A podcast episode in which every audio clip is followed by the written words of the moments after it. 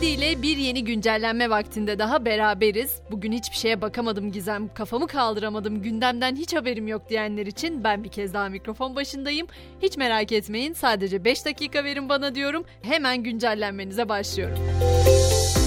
Her şeyden önce montları, kabanları çıkarma vaktinin artık geldiğini söyleyeyim. Yazlıkları, kışlıkları değiştirmediyseniz hemen değiştirin çünkü kış geliyor.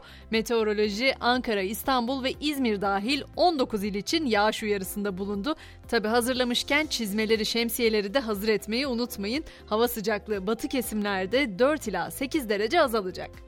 E kış geliyor dediğime göre turistik Doğu Ekspresi'nin de vakti gelmiş demektir. O da ilk seferine 12 Aralık'ta başlayacak. Ben onda hiç yer bulamıyorum diyorsanız nedenini de söyleyeyim. Şöyle oluyor. Toplam 6 vagon olarak seferler yapılıyor ve Turistik Doğu Ekspresi bunun 5 vagonunu seyahat acentaları aracılığıyla satıyor. Sadece kalan o bir vagonun biletleri Devlet Demiryolları aracılığıyla satıldığı için kendi kendinize o biletleri bulmanız biraz zor oluyor. Buna rağmen bilet fiyatları ise cep yakıyor. Bu yıl kişi başı fiyat 1300 liradan satışa sunulmuş durumda. Tabii konu paradan açılınca İstanbul'daki 5 liradan satılan ekmeğin fiyatının da artan maliyetler nedeniyle %50 zamlanarak 7,5 liraya çıkacağı haberlerinin konuşulduğunu da söylemem lazım. Çünkü bu gerçekten önemli bir haber. İnsanlar evine artık ekmek götüremiyor dediğimiz noktadayız. Fiyat artışının yılbaşından hatta Aralık ayından önce olması bekleniyor üstelik.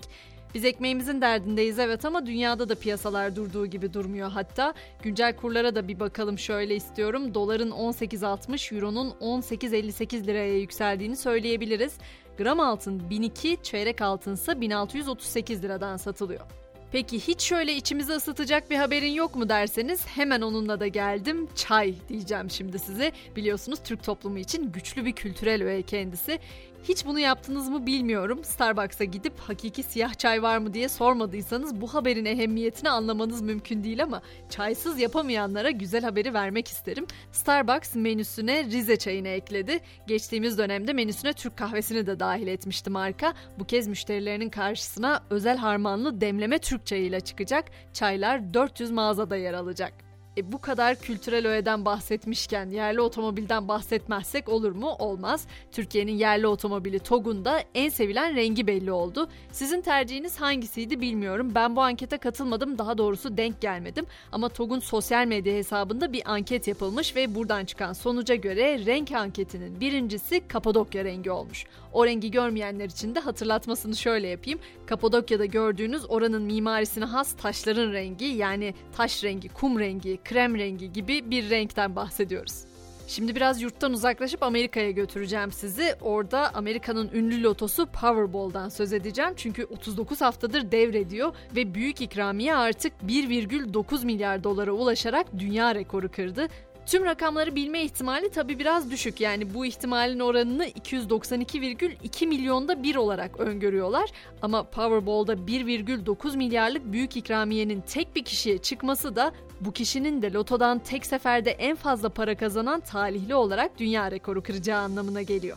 Şimdi biraz da teknoloji şirketleri arasında gezineceğiz. Biliyorsunuz son zamanların en popüler teknoloji şirketi Twitter. Yeni sahibi Elon Musk ve Musk'ın hemen hemen ilk faaliyeti mavi tikleri paraya bağlamak olmuştu. Şimdi eskiden mavi tik kime veriliyordu? Onaylı hesaplara yani onun gerçek bir kişi olduğu, taklit edilemeyen kişi olduğunu anlamak için verilen bir uygulamaydı. Ama şimdi bu paraya bağlandı ve her isteyen mavi tiki alabilecek hale getirildi. Böyle olunca pek çok kişi Elon Musk'ın adını kullanıp yeni hesaplar açmaya ve hatta onun profil resmini kullanmaya başladılar. Onu taklit etmeye başladılar. Musk da bunun üzerine kızdı dedi ki taklit hesapları kalıcı olarak askıya alacağız. Peki nasıl olacak diyenlere de dedi ki profiline parodi hesap ifadesinin konulmasını şart koştu. Aksi halde taklit hesapların hiçbir uyarı olmadan kalıcı olarak askıya alınacağını belirtti. Bu arada Amerika'da birçok teknoloji şirketi de borsada ard arda kayıplar yaşıyor. İşten çıkarma haberleri de peş peşe geliyor. Önce Twitter'la başlamıştı bu furya. Hadi orada yönetici değişti dedik ama ardından Amazon geldi. Şimdi ise Mark Zuckerberg'ün sahibi olduğu Meta bu hafta binlerce çalışanıyla yollarını ayırmayı planlıyor. Bir diğer önemli gelişme ise tıp alanında ilk kez bir insana laboratuvarda üretilen kan nakledildi. İngiliz bilim insanları ciğerlerden vücuda oksijen taşıyan kırmızı kan hücreleri üzerine odaklanan bir çalışma başlattı ama bu araştırmanın amacı hiçbir şekilde kan bağışının yerini almak değil. Bağış yoluyla elde edilen kanın aranan nitelikteki kana dönüştürülmesi.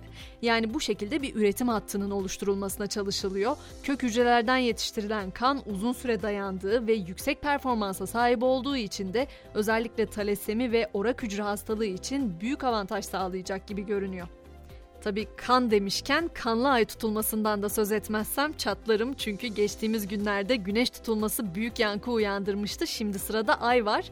Yılın ikinci ve son ay tutulmasının gerçekleşmesine artık saatler kaldı diyebiliriz. Zira bu yılın son kanlı ay tutulması yarın saat 14'te meydana gelecek. Böyle kanlı deyince biliyorum korkutuyor hepimizi. Astrologlar da biraz korkutmaya meyilli bu konuda. Ama ben size tabi burada burçlarınızı anlatmayacağım. Sadece ayın bakır renginde görülmesi sebebiyle bu ismin verildiğini söyleyeyim.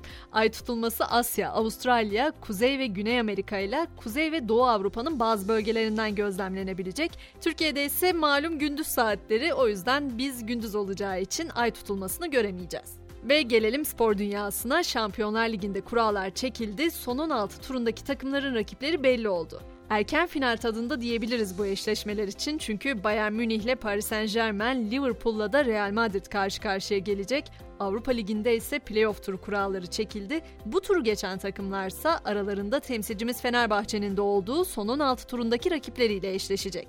Tabi sözünü ettiğimiz temsilcimizin bugünkü mücadelesi ise Süper Lig'de. Süper Lig'in 13. haftası bugün iki maçla tamamlanacak. Öne çıkan karşılaşmada Fenerbahçe Sivas Spor'u konuk edecek. Karşılaşmanın başlama saati ise 20 olacak diyorum. Ve yarın sabah bir yeni güncellenme saatimizde daha görüşünceye kadar herkese iyi akşamlar diliyorum.